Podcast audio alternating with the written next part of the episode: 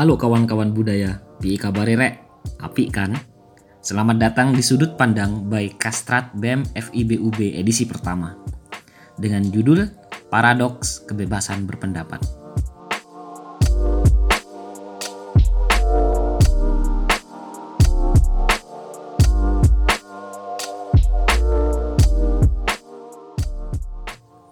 Baik teman-teman sekalian, Era disrupsi seperti saat ini membawa dampak masif terhadap melimpahnya informasi baik media massa maupun media daring.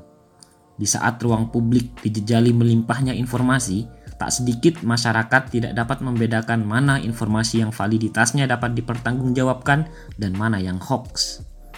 Fenomena disrupsi ini juga yang mendorong masyarakat secara bebas mengeluarkan pendapat di akun media sosialnya, seperti Instagram, WhatsApp, Facebook, dan juga Twitter.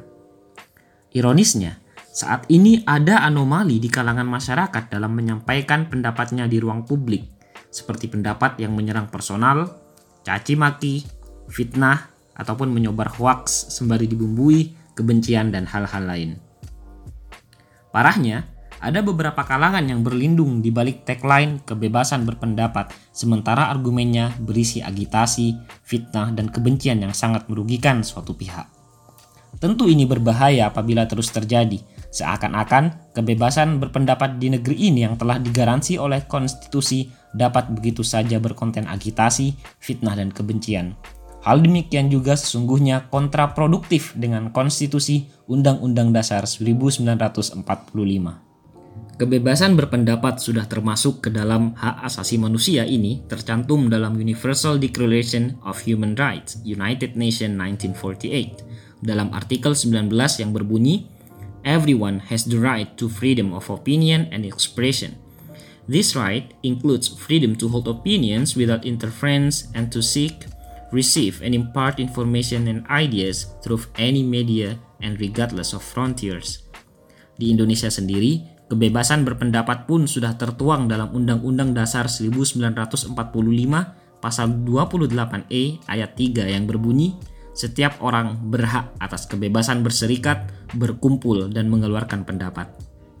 Nah, teman-teman budaya harus hati-hati nih, dan juga harus sangat bijak dalam menggunakan media sosial.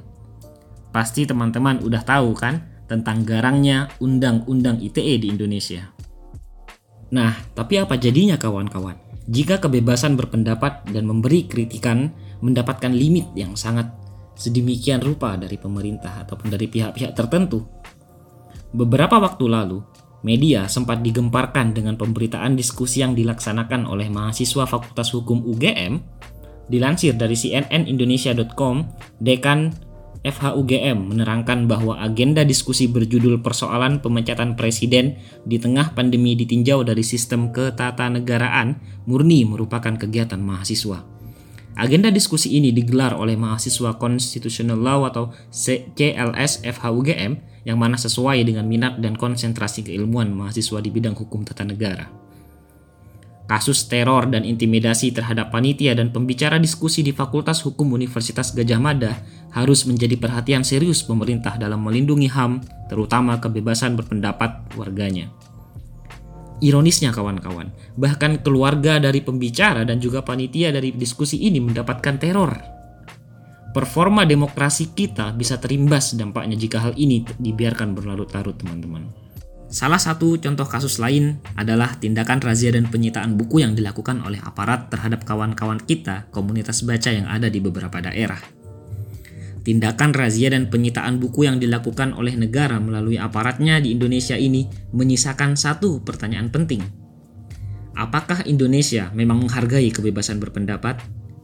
Dari adanya penyitaan dan razia buku tersebut, tentunya kita sudah tahu jawaban dari pertanyaan itu. Pentingnya kebebasan berpendapat adalah adanya free market of ideas, artinya sebuah pasar bebas ide-ide. Tidak adanya sebuah ide ataupun pendapat yang menjadi kebenaran absolut, melainkan adanya kebebasan di mana pendapat tersebut dapat dikritik dan memunculkan pendapat tandingan dan ataupun memunculkan sintesa dari kedua pendapat tersebut. Teman-teman, sebuah negara dengan sistem demokrasi pastinya menginginkan adanya pasar bebas dari ide-ide ini, di mana satu pendapat dapat diadu dengan pendapat lainnya untuk kemudian dapat membuat negara dan masyarakatnya menjadi lebih kritis, memiliki daya nalar yang lebih maju. Penyensoran ataupun pengekangan atas kebebasan berpendapat ini mematikan ruang diskusi yang kemudian akan membuat negara bisa kehilangan kesempatan untuk dapat lebih berkembang lagi. Filsuf John Stuart Mill dalam bukunya On Liberty 2009 menyatakan bahwa kebebasan berpendapat merupakan sebuah prakondisi bukan hanya bagi kebahagiaan individual tetapi juga bagi masyarakat yang berkembang. Tanpa adanya kebebasan berpendapat, ide-ide yang seharusnya dapat berkontribusi terhadap kemajuan masyarakat itu sendiri dan bahkan manusia secara keseluruhan tidak akan didapatkan.